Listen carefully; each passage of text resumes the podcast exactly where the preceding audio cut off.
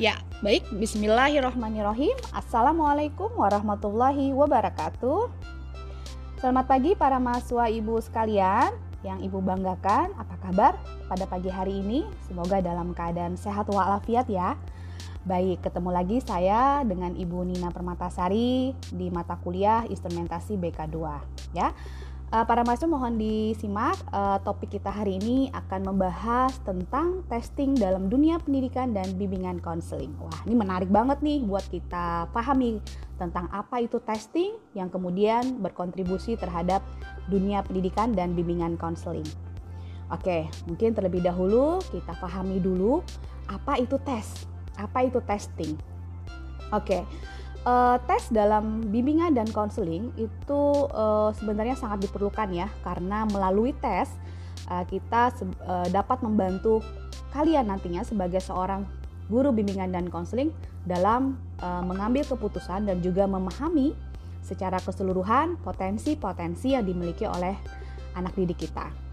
Kata tes ini berasal dari bahasa Prancis kuno yang berarti piring untuk menyisihkan logam-logam mulia. Wah, kok lucu ya dari asal katanya dari piring.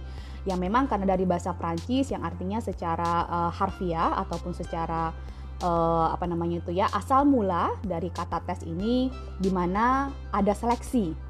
Logam-logam mulia itu kan merupakan uh, bahan ataupun juga logam yang memiliki nilai tinggi logam mulia sehingga diseleksi. Nah begitu juga asal mula dari kata tes artinya proses seleksi Selain itu juga dari Ana Anastasi memberikan uh, paparan bahwa uh, tes itu adalah alat pengukur yang memiliki standar secara objektif yang bisa digunakan secara meluas, kemudian juga bisa uh, digunakan untuk mengukur serta membandingkan keadaan psikis, keadaan mental ataupun juga perilaku pada individu. Jadi seperti itu tes itu adalah mungkin perlu digarisbawahi tes itu adalah alat ukur alat ukur, kemudian standarnya objektif, digunakan secara meluas dan bisa mengukur atau membandingkan keadaan psikis dan tingkah laku individu.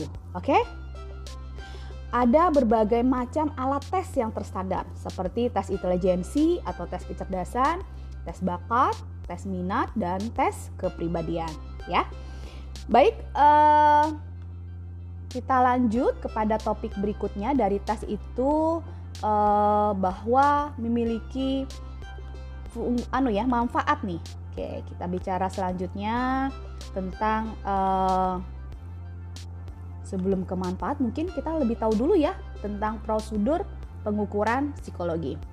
Ada beberapa prosedur ataupun langkah-langkah untuk kalian nanti sebagai seorang calon guru BK untuk bisa melakukan testing ini pada peserta didik Pertama adalah kita mengidentifikasi dulu nih tujuannya apa, tujuan dalam penggunaan tes, kemudian juga domainnya ataupun indikator yang mau kita lakukan uh, apa namanya itu pendalaman ataupun juga konstruk dari uh, testing itu sendiri apa aja sehingga kita bisa menyesuaikan alat tesnya apa yang sesuai dan kisi-kisinya seperti apa ya. Oke. Nah jadi uh, adik-adik semua uh, yang perlu kita ketahui bahwa dalam asas-asas dalam pengukuran uh, tes psikologis ini adalah pengukuran itu harus memiliki syarat yang baik sebagai alat ukur yang baik. Dan juga kita juga harus memahami tentang kode etik dalam melakukan testing. Seperti ada hal-hal uh, yang mengandung nilai moral yang bersifat umum dan menyeluruh yang bisa kita perhatikan dan sesuai dengan tata aturan yang ada.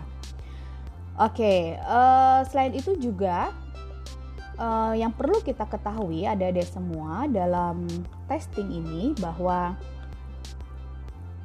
um, yang perlu kita tahu ada ada ada ada ini ya, ada komponen. Sebentar, saya cek dulu terkait dengan materi yang terkait dengan dengan topik ini ya bahwa kegunaan tes psikologi karena kadang mungkin kalian mikir ya sebagai seorang seorang guru ataupun juga sebagai seorang guru BK apa sih fungsinya dari tes ini?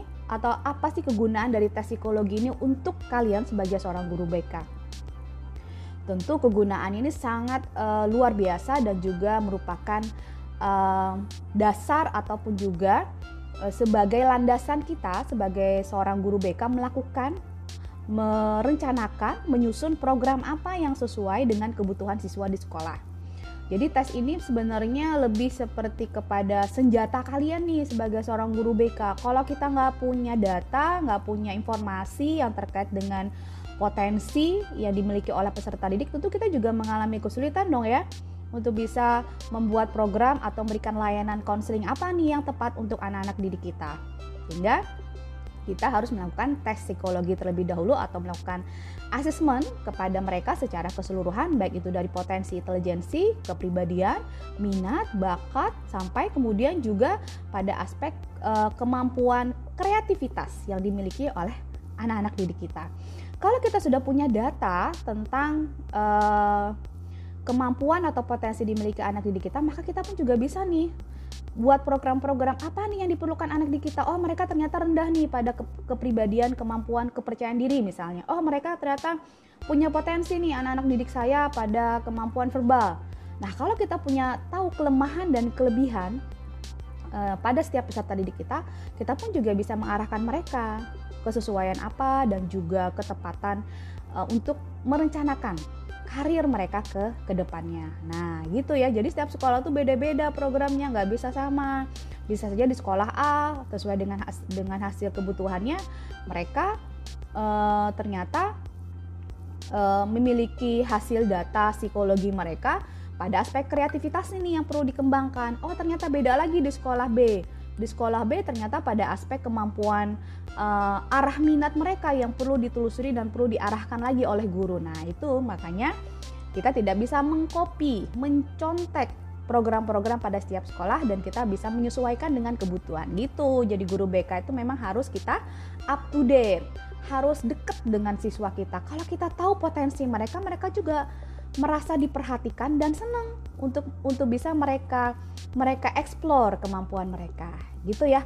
Jadi nggak ada lagi tuh guru BK yang males-malesan ataupun juga guru BK yang nggak punya program dan lain sebagainya. Jadi kita kalian harus punya senjata ini maka penting kemanfaatan dari tes psikologi ini terhadap profesi kita sebagai seorang guru BK oke okay, ya?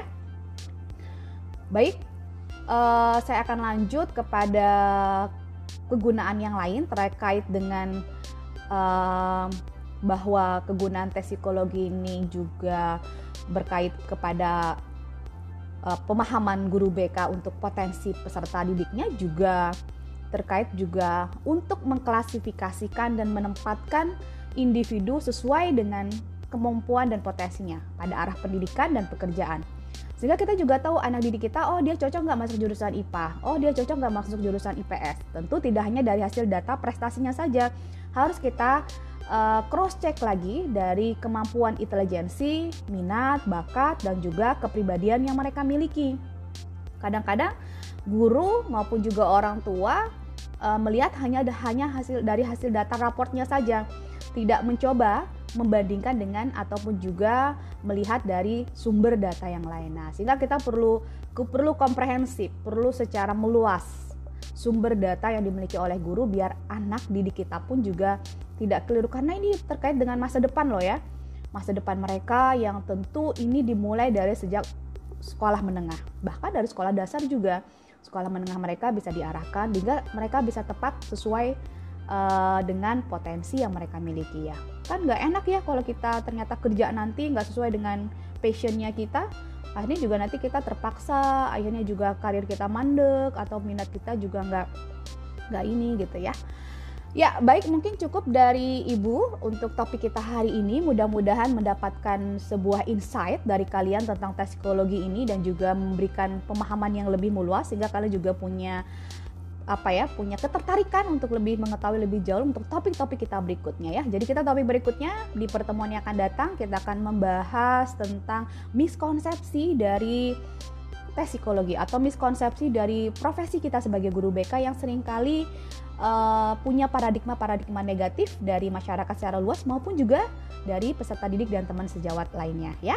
Oke semuanya ya, sehat selalu, dijaga kesehatannya di masa pandemi ini, tetap terus belajar, jangan patah semangat, dan juga eksplor potensi dan kemampuan kalian sendiri ya. Oke semuanya, terima kasih dari saya. Sampai jumpa lagi. Assalamualaikum warahmatullahi wabarakatuh.